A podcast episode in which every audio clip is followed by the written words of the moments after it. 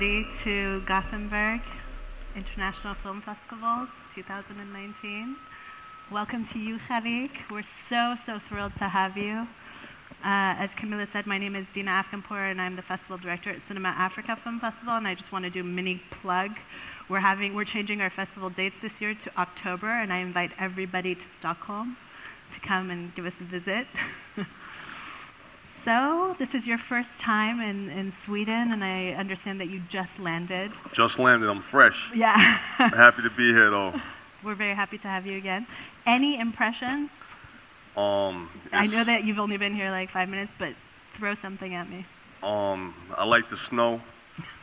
you know, snow is beautiful. Um, everybody been real nice so far. Um, so I'm just happy to be here. I, I'm always in Copenhagen, looking across the bridge. So, So I'm now you're on the other side. Yeah, I'm on the other side now. Yeah, and you passed my test because most people say beautiful people, and you didn't say that. You said I love the snow, which is Oh, great. okay, okay. Nah, the people are beautiful. My brother, he got a Swedish girlfriend actually, so Okay. I'm about to follow in his footsteps. okay. You know? Nah, I'm just messing with y'all. Come on. She's just like, woo. Yo, I just got off the plane and I'm a little jet lagged, so, you know, but Yeah, it's going to be cool. I'm glad to be here. we're in this together. Uh, so you're here with your film Black Mother. Um, but I want to go back a little bit to your background. Your own mother is from Jamaica and she's black, and your father is from Iran. Yeah.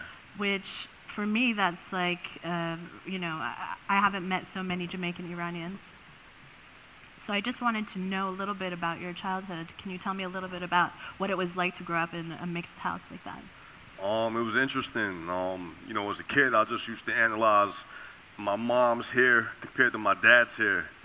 And just, you know, you have all these questions as a kid, you know what I'm saying?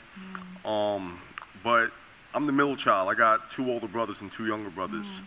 Um, so just a lot of fights, a lot of beating each other up, you know what I'm saying? It was all good though.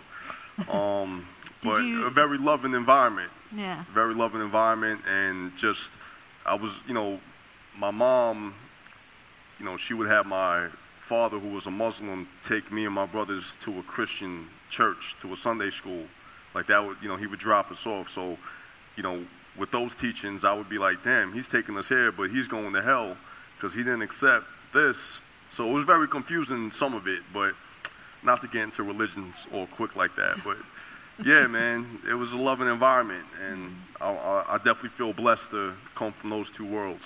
yeah that's kind of where i was headed like the spiritual inheritance because they seem like they have very strong cultures on both sides um, and i see that you, you probably have both sides influencing your work in some ways For, so, for sure. yeah. I mean, I'm here with a film called Black Mother, which ultimately is a spiritual film. Mm. And, um, you know, my earliest impressions of Jamaica were, you know, going to sit at the feet of my grandfather. I thought I was going on vacation to go swimming or something, but I would just go to his house and he would just be praying over me and giving me these blessings.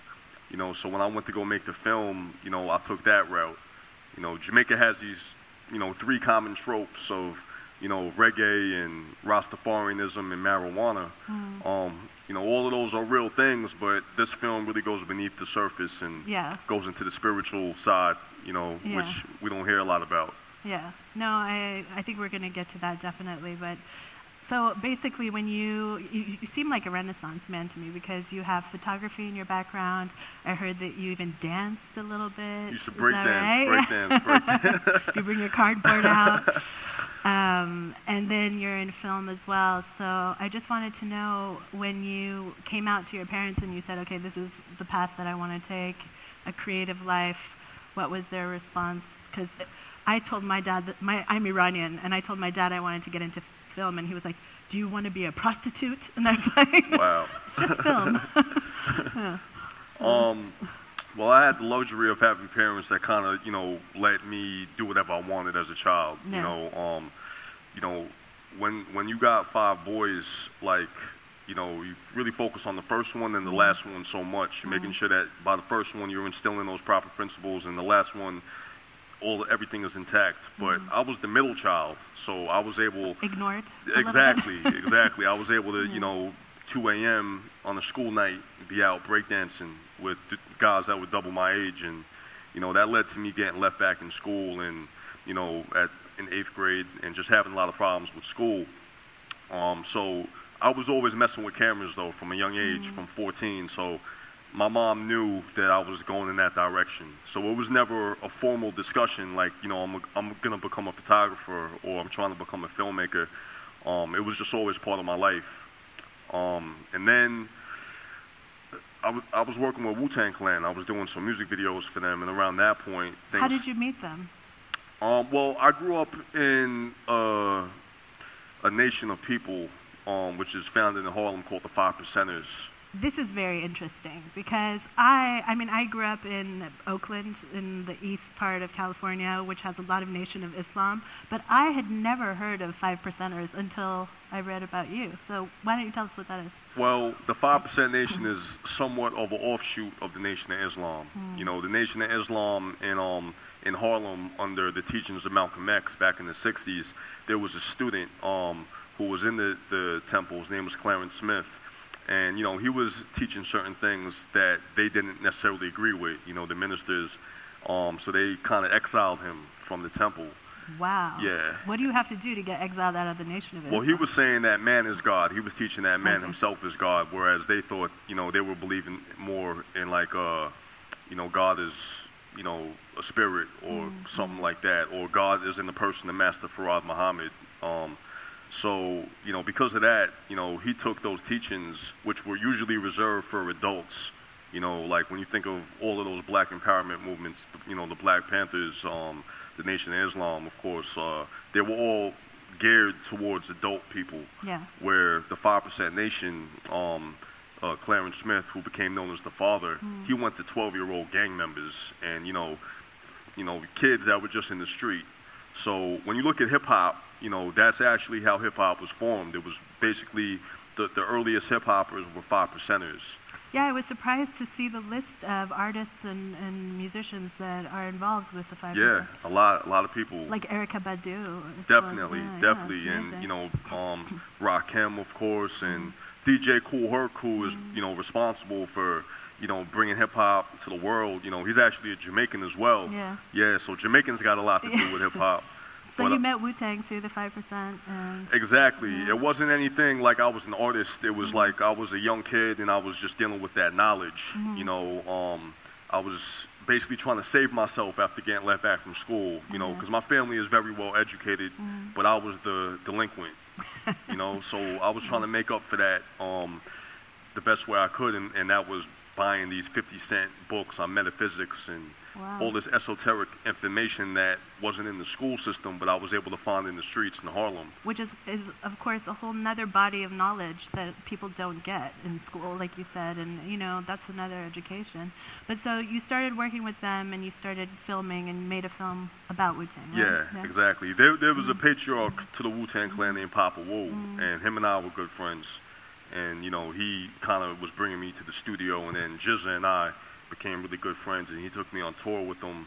I was working in the nursing home, and um, I was like, "Yo, GZA, um, I just got fired." Um, he was like, "Yo, come on tour with me, man." wow So that was that was a, that was like the crazy juxtaposition that you know. yeah so definitely you're entrenched within the like black music community at that point but would you define yourself within the black independent filmmaking lineage i mean do you see yourself as part of that Um, I found out that I was part of that, but to begin with, I didn't understand anything. You know, my, my introduction into filmmaking um, on this level, as far as traveling and coming to Sweden and going to all these countries, it took place after I made a film in Harlem called Field Niggas, which is based off of, you know, that title coming from a Malcolm X speech. Um, but I made this film and I put it on YouTube for free you know, and I had no expectations. I just wanted to connect with my audience. And a film festival in America called True False, they requested that I privatize it and take the video down. And, you know, they said that they wanted to invite me to the festival. And when I went to the, this festival, like, that's where I met Sundance and Cinereach, who are the producers of Black Mother. Um, and then like a crazy amount of traveling, and my career just exploded off of that. Yeah. So you know, that's my advice to you know artists like share your work, just put it out there, whether it's you know um, something on the internet or whatever means you can. The reason why I ask you is how you see yourself is because I think um, when I think back to uh, the writer Richard um, Wright, who wrote Native Son in the U.S., he talked a lot about how the black artist, the African American artist, uh, has racial injustice as their inheritance, but also as their responsibility to Mhm. rectify within their artwork. And so I wonder, and that's a huge thing. I mean, if you think about it, like if you're a Swedish artist or a Swedish filmmaker, what is your inheritance really from your culture? I mean, ra- racial intolerance and ra- racism is a huge burden to bear if you're an artist. So that's why I ask you is that something that you're consciously thinking about when you're making your art, whether it be photography or, or the films?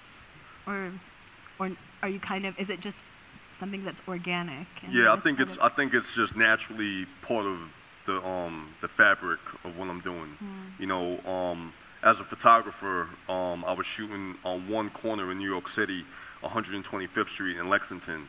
Um, and that's in Harlem, and that's like the most drug-infested, um, homeless, uh, police-infested corner in New York.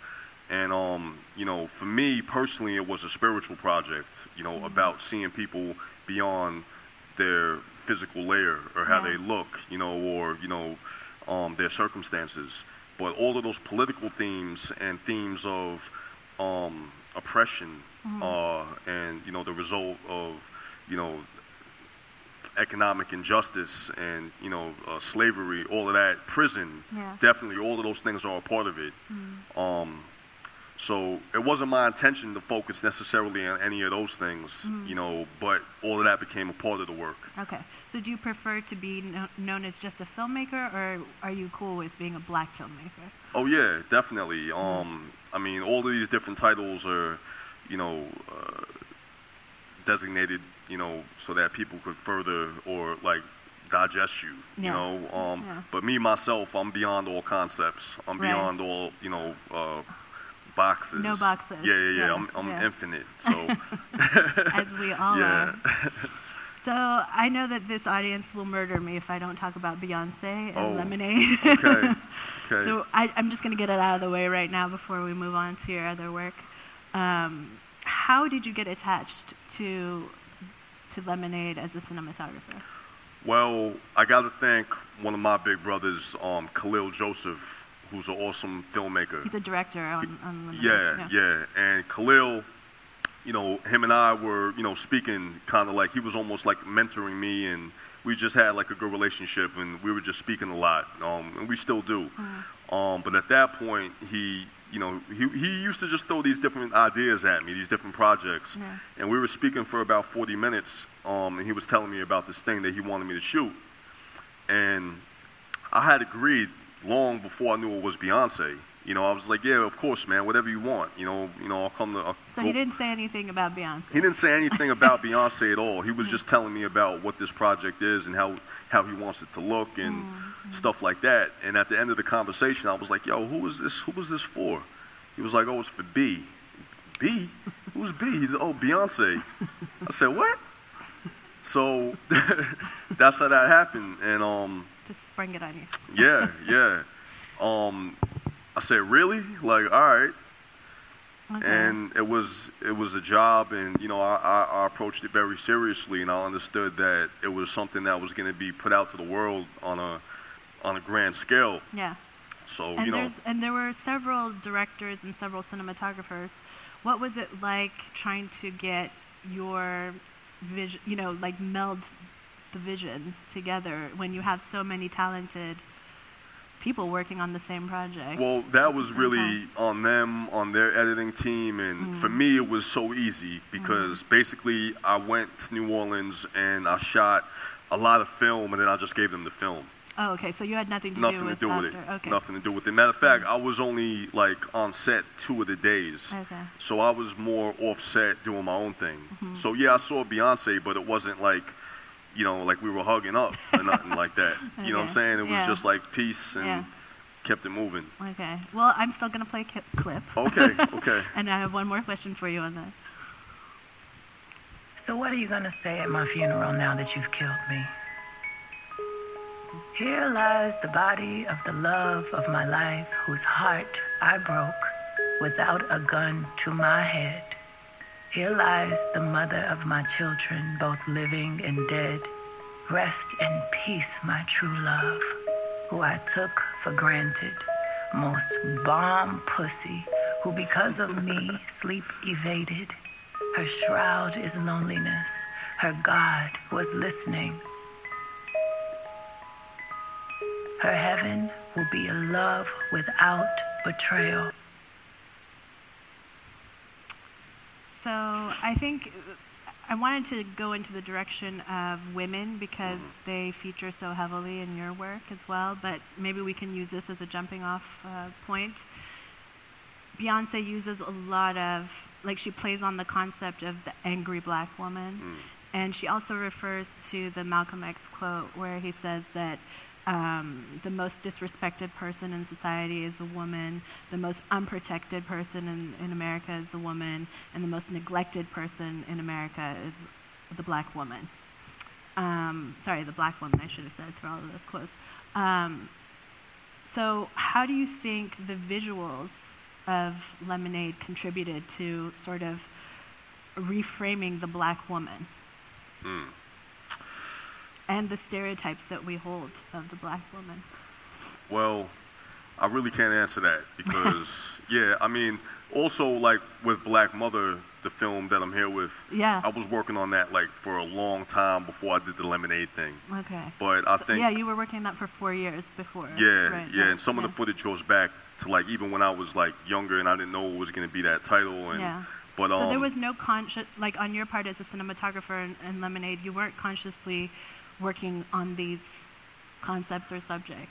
Somewhat, because I was in the Ninth Ward of, of New Orleans, um, offset mainly, and I was shooting. Um, the direction that I was given was very loose. Okay. It just said, you know, we want an emphasis on portraits of women. What I do as an artist and what I'm known for is portraiture, Yes. whether it's still photography or it's in my video work. Yeah. So they just said, yo, we love what you do, and we just want you to, to be as free as you are and, and shoot, but with the emphasis on shooting women.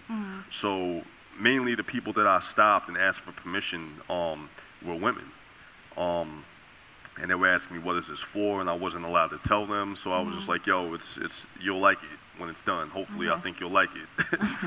uh, And I, I, I've seen that in, so in fields. Field, uh, can't say the, the word, but y- your previous work, mm, mhm. uh, and in Black Mother, there, women feature very heavily, as definitely, I said. And definitely.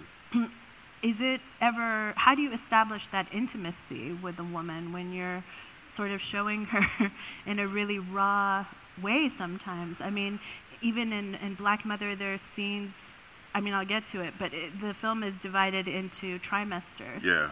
mhm. akin to a pregnancy and you get very very personal and up close with the woman's body Yeah. so how did you establish the trust Well, um, it has a lot to do with um, sharing my vision and sharing my intention as an artist, right? Um, and letting them know where it's coming from and, and what I'm striving to do, you know. And you know, when I'm on the street and I'm asking a person for permission, um, many times people say no.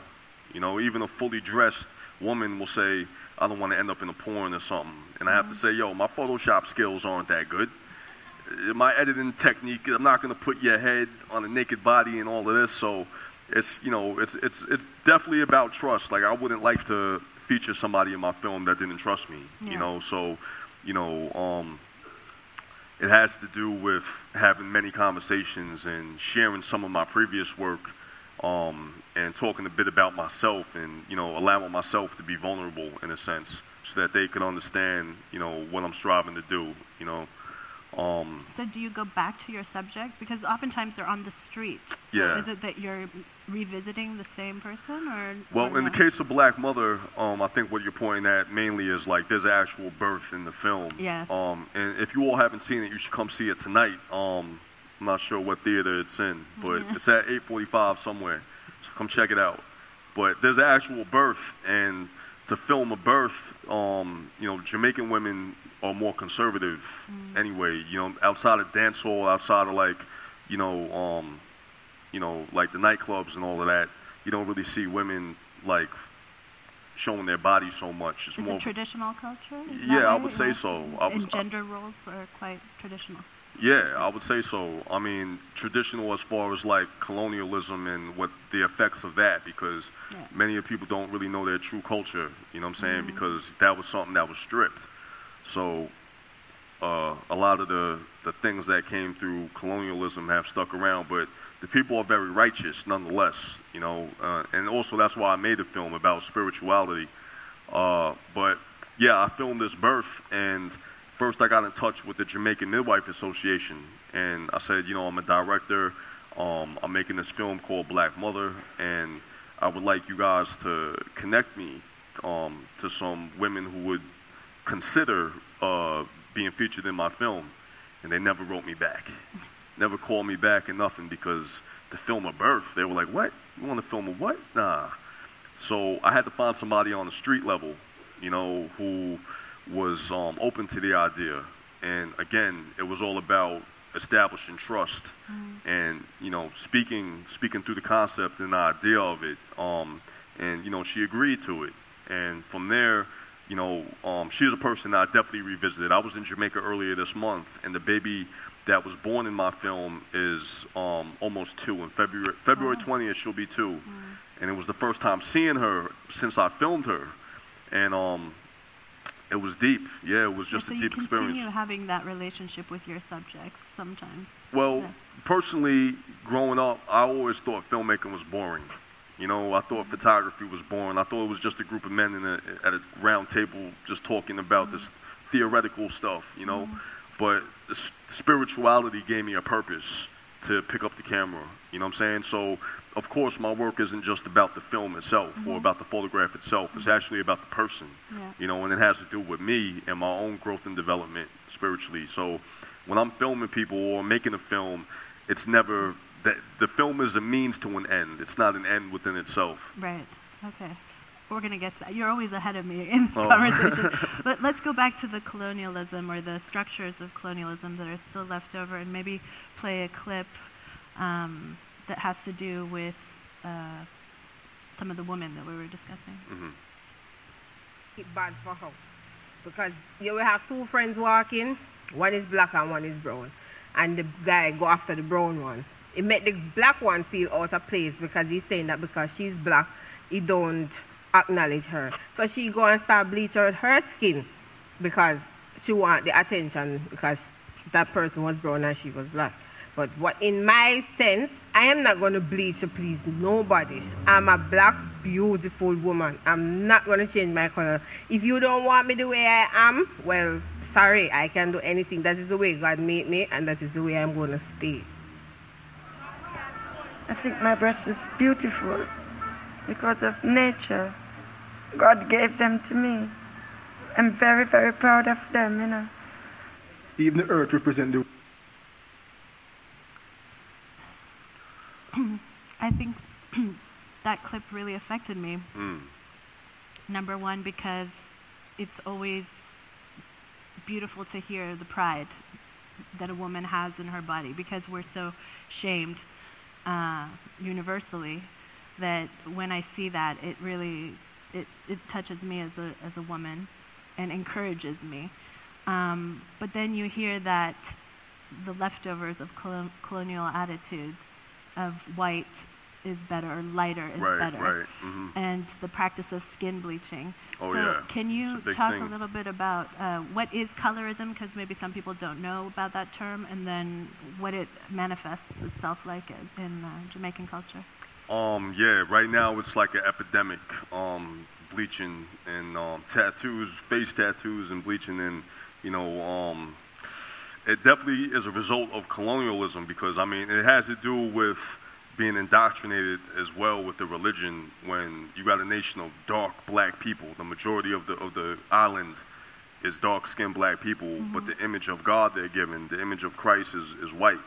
So automatically they feel inferior just based off of that. You know what I'm saying? So that's how deep it goes. And then, you know, it has to do also with um, social strata. And, you know, uh, usually the, the brown people or, or the, the yellow people or the lighter people become the politicians. You know, when, when Britain, when, when Jamaica got its independence in the late 60s, you know, the people that were left in power were like the most light-skinned people. You know what I'm saying? Um, so, you know, I'm just making a comment that, you know, this film I think is really radical for so mm-hmm. many ways. You know what I'm mm-hmm. saying? Mm-hmm. Um, but I'm showing Jamaica outside of just the resorts and outside of like, you know, reggae. I've never seen a film about Jamaica that wasn't about reggae.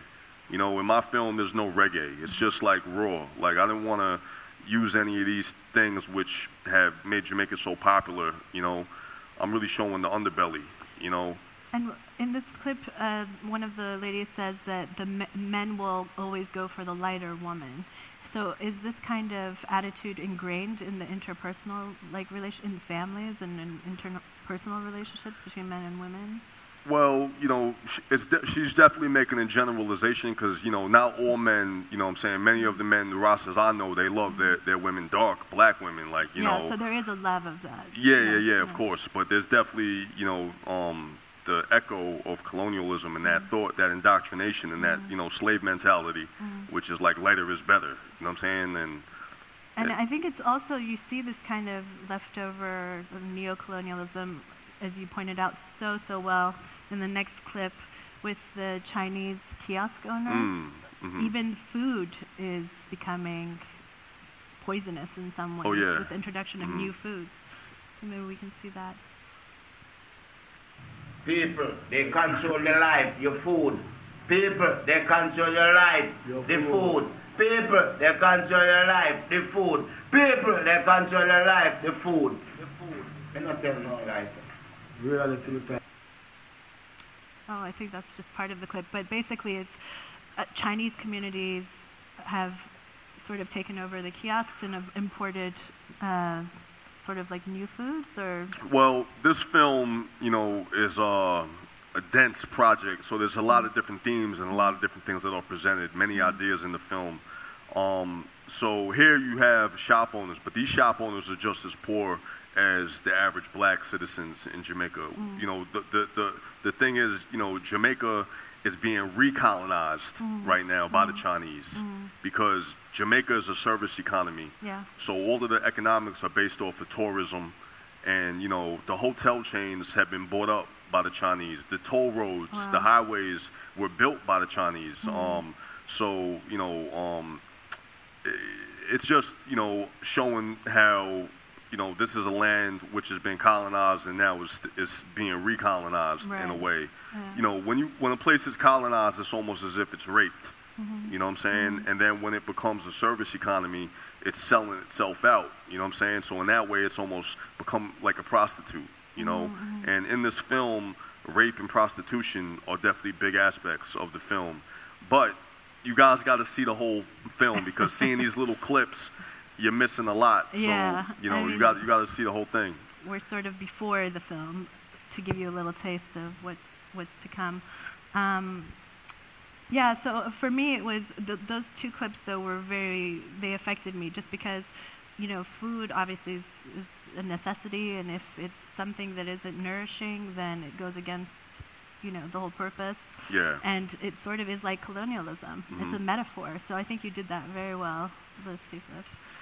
Um, and uh, like you said, prostitution, and I know in your previous film there's a lot of, um, you know, you're up close with prostitutes, and I've, I've read a lot of um, people talk about your films as sacred versus profane. Mhm. And for me, there's no real difference. It's a dichotomy that I think is artificial that we put. So, sacred being that which is set apart, not for human consumption, and profane that which is the material everyday. Um, and so, how do you see see those forces within your own in your own mind? Well, um, that was written, I think, in the, in the New York Times. Um, that you know, this film, Black Mother, is a marriage between the sacred and the profane. Yeah. And um, I had to think about that, you know, and really think about that. But in my mind, um, I agree with what you just said. Like, it's all sacred. All of it is sacred. You know, um, regardless to the circumstance of a person, you're always looking at divinity. You know, regardless to the race or the gender or the age or you know what a person may have done, whatever their past is. All of us got that spark of light within us. So when you recognize that, you're recognizing divinity. You know, um, so it's all sacred. You know what I'm saying? Whether I'm speaking to a prostitute or I'm speaking to the woman that prays for me at the end of the film. You know, it's all it's all sacred. You know, um, you know, we don't react to anything directly in this world. We only react to our interpretation of things. Mm-hmm. So we need help in perception. You know, whenever you look upon something with vision, it's healed and it's holy just by the way you look at it. You know what I'm saying? So nothing is bad. Everything is neutral ultimately. You know, our vision gives meaning to things. And, you know, when you make a film, you put a magnifying glass on something. And, you know, it's always through the lens of the director and his attitudes. So what I'm trying to do is elevate my perception where I could see everything as pure, as innocent, and, you know, we're, we're so caught up in judgment as humans. You know what I'm saying? We look at something and, and, and think that we could fill in the blanks and provide a proper context for it. But whenever you take a picture, it's never the truth. You know, you put it in a frame, but there's so much outside of that frame that you missed. Right. You know, you take a picture, it's just a snapshot, but there's so much outside of that picture which can't find its way into the thing. So everything is just a sample. I think that's that's a little bit. It's hard to describe if you haven't seen the film or if you haven't seen your previous work. But for me, as a viewer, um, your camera is like the third eye. Mm. It sort of encourages the viewer to be radically receptive because the film, when you're watching, w- the visuals don't match the sound. So things are sort of, it seems like it's a little bit jumbled. And as a, as a viewer, you naturally want to make sense of things. Our brain, brains naturally want to kind of put things in order. But your films force us n- to sort of like resist that in some strange, uncomfortable way. Yeah. Uh, and I think that that's what kind of elevates the film to to encouraging a spiritual view. yeah. hmm Uh, and the second thing is that I can tell that you, your camera also has no judgment, that you're really in wonder of your subjects. For sure. So, I'm just grateful they, they, they agreed to be filmed. you know, so many people they say, nah, man, I don't. You know, yeah. it's not easy because even you know I'm used to disarming people and gaining people's trust, but still many people say no. You know, especially in Jamaica, it's such a poor country, and I was coming through with a Bolex. You know, wasn't the Bolex? Oh, that's a Swiss camera, right? I'm, I thought it was um, Swedish for a minute, but uh, yeah, it's um, it looks like an antique. It looks like I got money. You know what I'm saying? So when when you're in a country like Jamaica and you're filming, even my work in Harlem, you know, I'm coming through with a Nikon F2. It's shiny. It's a you know real clean camera. Um, yeah, people say no. People are suspicious. You know, so I'm grateful that I've been able to do this. I just look at myself as a channel. You know I- what I mean? I'm just a prism. I think you can you can feel that definitely, and it also leads me to wonder about your editing process because I'm I'm watching the footage and I'm imagining that you have hours and hours. Yeah. And how do you sift through and how do you layer the audio the way that you do and correspond to the to the imagery? Uh, It just seems I'm I'm just imagining you like in a dark room, chilled out somehow. A lot of weed, yeah, I, I was thinking about that some honestly. mushrooms, maybe. There's got to be there's got to be something that's taking you beyond our normal our normal uh, or our you know everyday sort of uh, mindset. So is it is it herb? Like do you Well- use herb in that way? Well, I'm just joking, but um, Okay. I've actually I've actually put that down of recent, you know, and I'm coming from um, Amsterdam, so that was a little crazy. But um, but how do you edit? I mean, what is your process? Let me know. well, as you mentioned, you know, the the film is out of sync, Yeah. so you have the audio recorded separately than the video. yeah. And um, in the case of Black Mother, I had six hours of testimo- audio testimonies. Mm. I don't like to say interviews because these were like real testimonies. Right. One thing about my work, um, as a side note, is that it's coming from the chest more. It's not like really a cerebral film. Right. You know, everything is more feeling based. Heart, yeah. Yeah, it's heart. So that's where I'm making my decisions based off mm-hmm. of what I feel. Mm-hmm.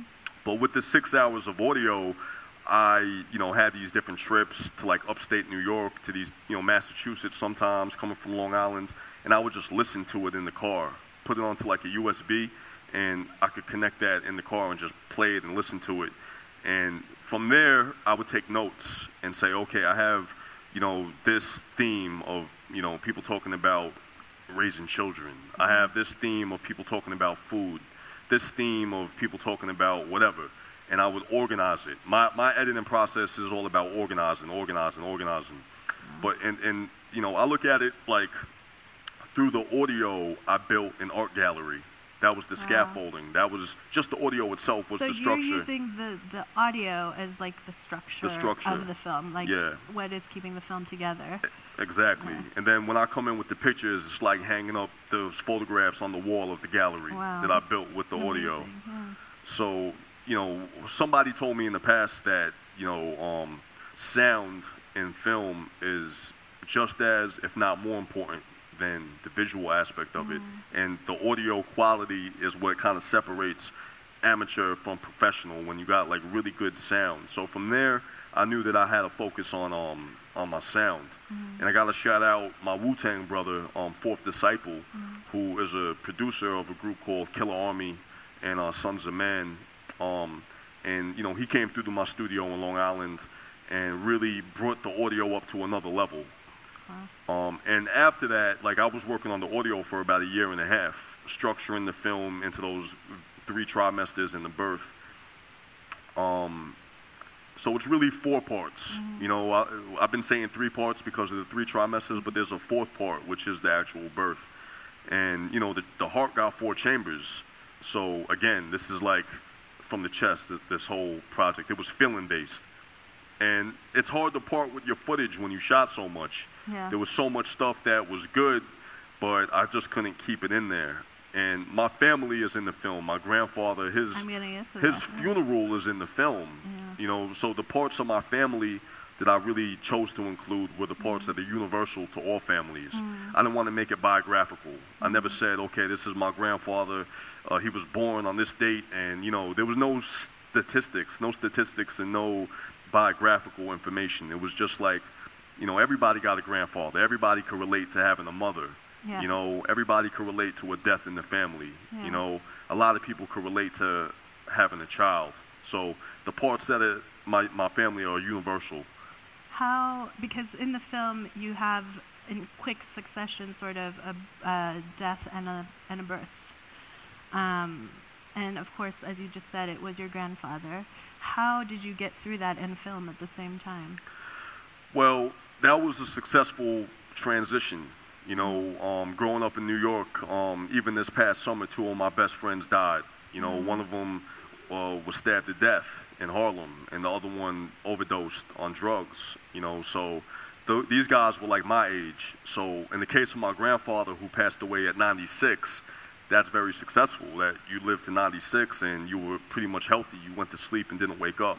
You know, so I was grateful, and it wasn't like I had difficulty processing it because him and I had many discussions about death, even in the film that's in the film. Exactly, yeah. You ask him, it seems like you were absorbing as much wisdom as possible from him. Of course. And, and it's, I think it's a beautiful, beautiful testament uh, to your closeness that you, you know, you have this on film forever. Yeah, and my grandfather was an avid reader, and he used to, you know, he comes from a small town in Jamaica called Higgintown, mm. and you know, he never been to Sweden, he never been to any of these places, but now he's coming with, me, Yeah. you know, so yeah. And it yeah. was a beautiful eulogy that he got from the priest as well. yeah. We're giving too much away I right know, now. sorry. You know? this is the we should have done this after the film. But we have about 10 minutes left. I'm wondering can we open it to the audience even though I know you haven't seen the film. Uh, but maybe you've seen previous work or you just want to ask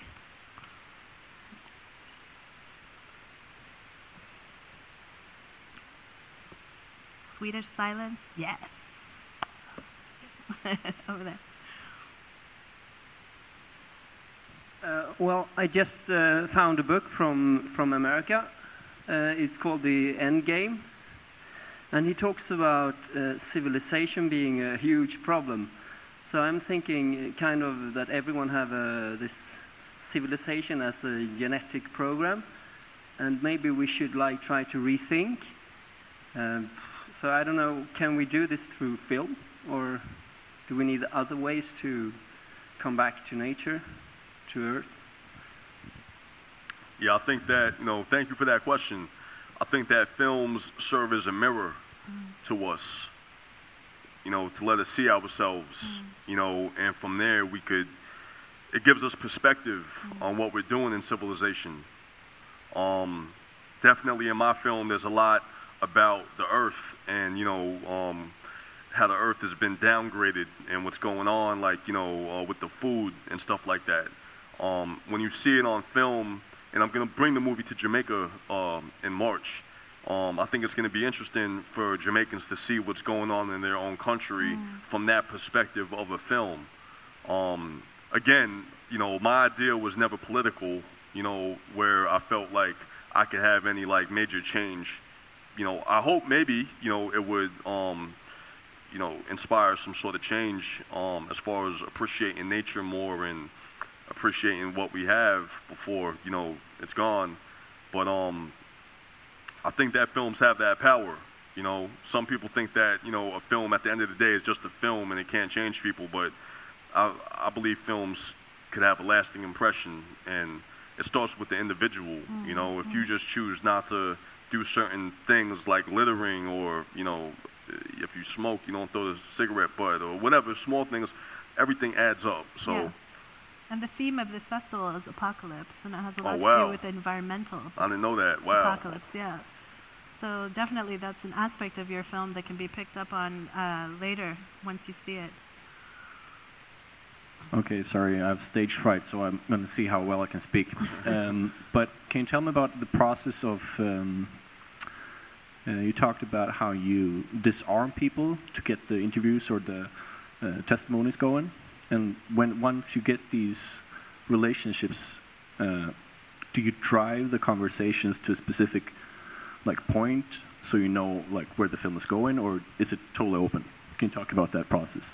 Um, in in the beginning, I always tell my subjects what I'm looking for, and you know, um, I impress on them how important their opinion is.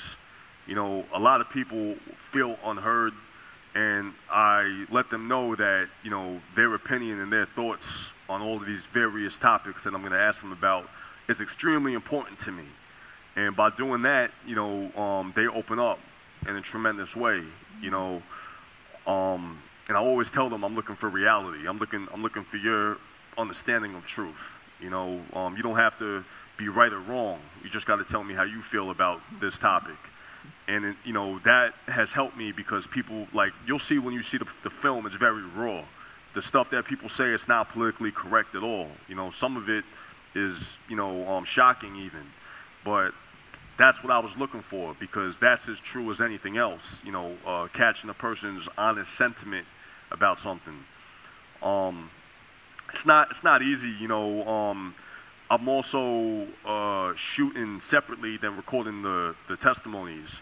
But when I'm shooting a person's portrait, I'll tell them to hold the thought in their head. Think about something profound that happened, whether it was beautiful or something traumatic that happened in their life, and just project it through their eyes.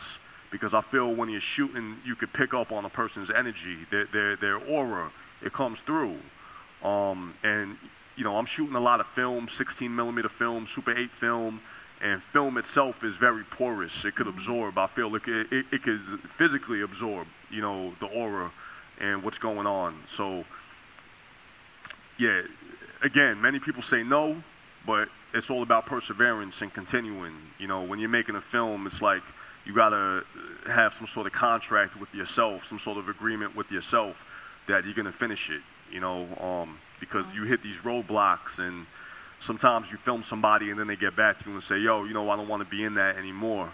They just changed their mind. And, you know, in my case, I was always respectful of that. You know, um, I didn't want to, I, I couldn't feel comfortable putting something out to the world unless it was with the blessing of everybody that was in it.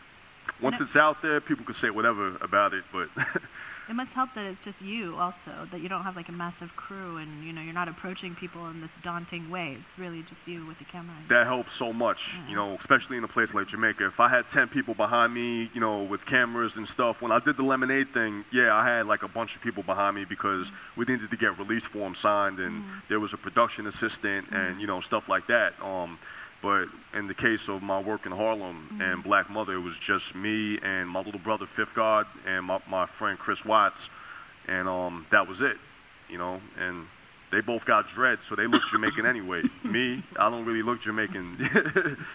We have one, another Yeah. question. Hi, um, sorry if this is misphr- misphrased or a bit vague, but you spoke about this project as a means to an end, which means that you should or probably have other projects underway. Um, I sh- uh, do repeat you? that? I should have You other- probably do have other projects underway, or or do you? That's the question, I suppose. What's Yeah, your process is the to the second next of a project? trilogy, right? It's a second of a. Is that right? I had the idea of doing a trilogy in this uh, very stylized documentary technique of the audio and video separate. It's like a um a, a, a poem in a sense, you know. Um, but I think that my next project is going to be a narrative. I want to step out of my comfort zone now. You know, both of these past films have been very successful. Um, they won a lot of awards and brought me all over the world. You know, so I'm truly blessed for that. But as an artist, I don't want to stay in this same zone. I kind of want to like do something I haven't done, which is write a script and try my hand at that. You know, I'm 33 now, so I'm actually like preparing myself for my 40s and 50s to keep making films because, you know, I got a lot, you know, um, on, on my chest that I'm trying to share with the world, and um, I feel like this was my purpose. I, I feel like before being born, you know, we all have a life contract where there's certain things that we have to do during our physical term on the planet, you know, and the sooner you figure out what your, your purpose is in the world, the more fulfilling your life will become. So I'm, I feel really blessed that, you know, I've recognized that I have a purpose in film um, and in art in general. So I'm, I'm basically preparing myself to like do what I came here to do. You know what I'm saying? Awesome. Um, and I'm just trying to stay healthy and not get caught up in prison or anything crazy in the meantime. Do we have time for one more question? Yeah? We have students, film students here even. Hello. I want to ask you if this is uh, a film uh, you want to learn your about your relatives in Jamaica. You're born in USA, and, uh, New York. uh, New York, and you want to to show uh, learn your relatives deeper from yeah. Jamaica. hmm The yes. Well, I just got my Jamaican citizenship um, when Trump got elected. so I can have a little exit strategy. Strategic. Yeah, yeah, yeah. You know, You can't go to Iran, probably. Huh? that, that wasn't part no, of the. I don't think so. Yeah, so I'm, I'm building a, a house in Jamaica right now. It's actually I inherited a house from from my grandfather when he passed away, so I'm fixing that up, making it livable, and yeah, um, I've always knew my relatives in Jamaica because my mom had me and my brothers going there, you know, all our lives from children. So I never felt too distant from that. Um, but the film was uh, the idea of showing that in a different in a different lens. Like I said, those three tropes that people have about Jamaica, which are common, I wanted to show a whole different perspective because my work is about taking a place, whether it's New York City in the case of Field Niggas with Harlem, and showing it in a whole different way, which you know people don't know about. You know, um, same thing with Jamaica, showing it in a whole different way. Um, so that was the intention. Okay.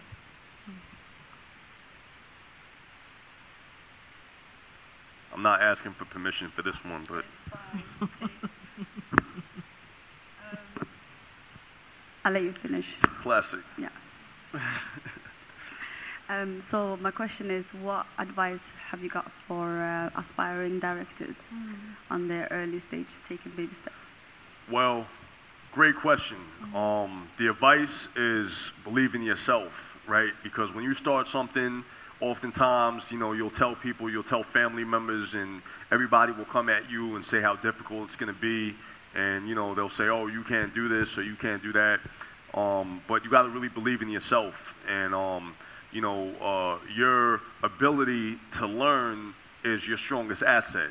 You know um, that which you can't do, you can learn to do.